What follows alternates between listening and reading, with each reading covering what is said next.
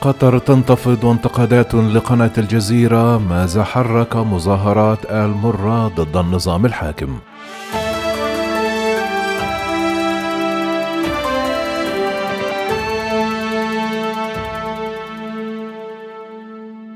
تشهد قطر انتفاضة غضب بين أفراد قبيلة آل مرة اعتراضا على ما وصفوه بالقانون التعسفي ضدهم والذي يمنعهم من الترشح لانتخابات مجلس الشورى واعتقال السلطات سبعة من أفراد القبيلة شاركوا في الاحتجاجات. تخيم على الشارع القطري حالة من الجدل والانقسام كما أعلنت وزارة الداخلية القطرية في تغريدة عبر حسابها على تويتر. إحالة سبعة أشخاص إلى النيابة العامة متهمة إياهم باستخدام وسائل التواصل الاجتماعي في نشر أخبار كاذبة. وإثارة نعرات عنصرية وقبلية.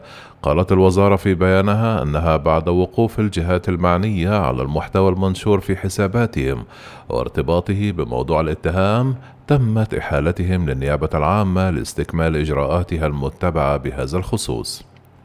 من أبرز المعتقلين القطريين المحامي البارز هزاع بن علي المري الذي نظم وقال تظاهرات آل مرة بعد اجتماع احتجاجي ضم نخب قطرية من أدباء وشعراء وأساتذة جامعات ومحامين حيث ألقوا خطبا وكلمات منددة بعنصرية النظام الحاكم في قطر. كما ظهر المري بحسب مواقع فيديو متداولة وهو يصعد في سيارة دورية الأمن التي جاءت لاعتقاله بينما يتجمع مناصرون له حول السيارة ويحاولون منع اعتقاله لكن المري بدا متعاونا مع رجال الأمن وطلب من المحتجين حول السيارة عدم عرقلتها. وقبيل اعتقاله غرد المري عبر تويتر البحث الجنائي عندي في مجلس الآن يطلبون ذهابي معهم وسوف أذهب متحصنا بالله أولا ثم أبناء قبيلتي آل مرة والمواطنين ثم الدستور والقانون كان المري وهو أحد القطريين المجنسين الذين اعتبروا أن قانون الانتخاب الجديد سلبهم حقهم في الترشح.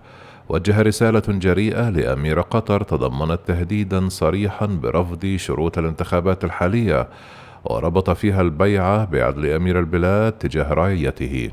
قال المري في رسالته أن حرمان أفراد قبيلته من الترشح يعني أنهم مماليك على حد تعبيره وأنهم سيرفضون القرار حتى لو دخلوا السجن.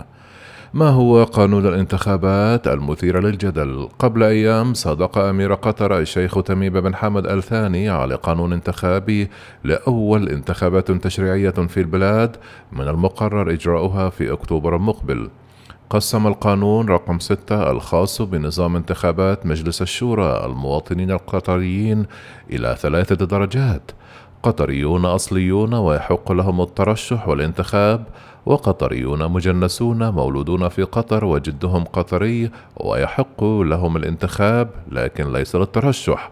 وقطريون مجنسون ولا يحق لهم الترشح أو حتى الانتخاب. بموجب القانون الجديد يتمتع بحق انتخاب أعضاء مجلس الشورى كل من كانت جنسيته الأصلية قطرية وأتم الثامنة عشر عاما ويستثنى من شرط الجنسية الأصلية. كل من اكتسب الجنسية القطرية بشرط أن يكون جده قطري ومن مواليد دولة قطر. أما المرشح فيتعين أن يكون جنسيته الأصلية قطرية ولا يقل عمره عند غلق باب الترشح عن ثلاثون عاما. ويتم اختيار ثلثي أعضاء مجلس الشورى القطري عن طريق الانتخابات أو ثلاثون عضوا في المجلس المؤلف من خمسة وأربعون مقعدا. وسيعين الأمير الأعضاء الباقين.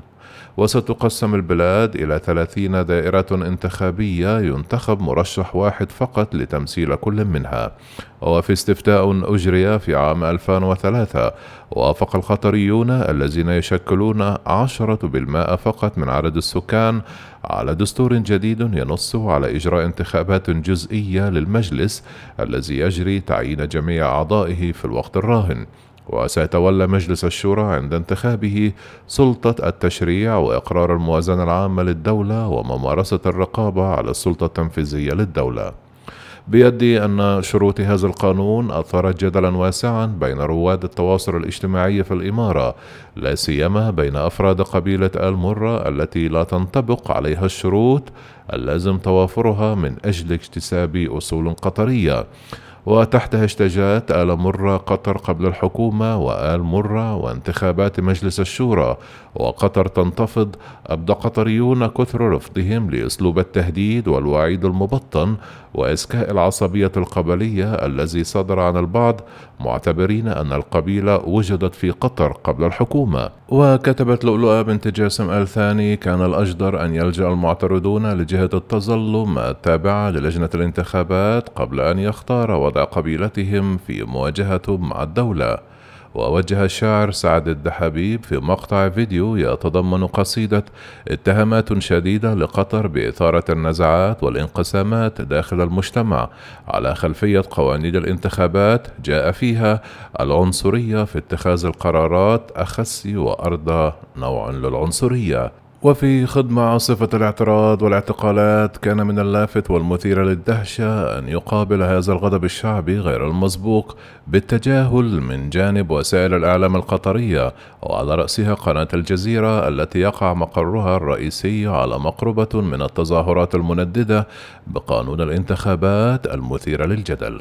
ودفع ذلك التجاهل الإعلامي القطريين للاعتماد على مواقع التواصل الاجتماعي ووسائل الإعلام العربية والأجنبية لمعرفة ما يجري في البلاد حيث ينشر مشاركون في الاحتجاجات العديد من مقاطع الفيديو للكلمات والخطب التي تلقى على الحضور كما نشر الصحفي السعودي المعروف عبد العزيز الخميس عددا من مقاطع الفيديو للاحتجاجات منتقدا تجاهل الإعلام القطري لها. لو حدث هذا في القاهرة لصدعتنا الجزيرة بقصص عنه، لكن أن يكون خارج باب قناتها ووسط الدوحة فالصمت يحل، ما أكذب مقولة الرأي والرأي الآخر، هذا الآخر دعوه مباشرا على الهواء.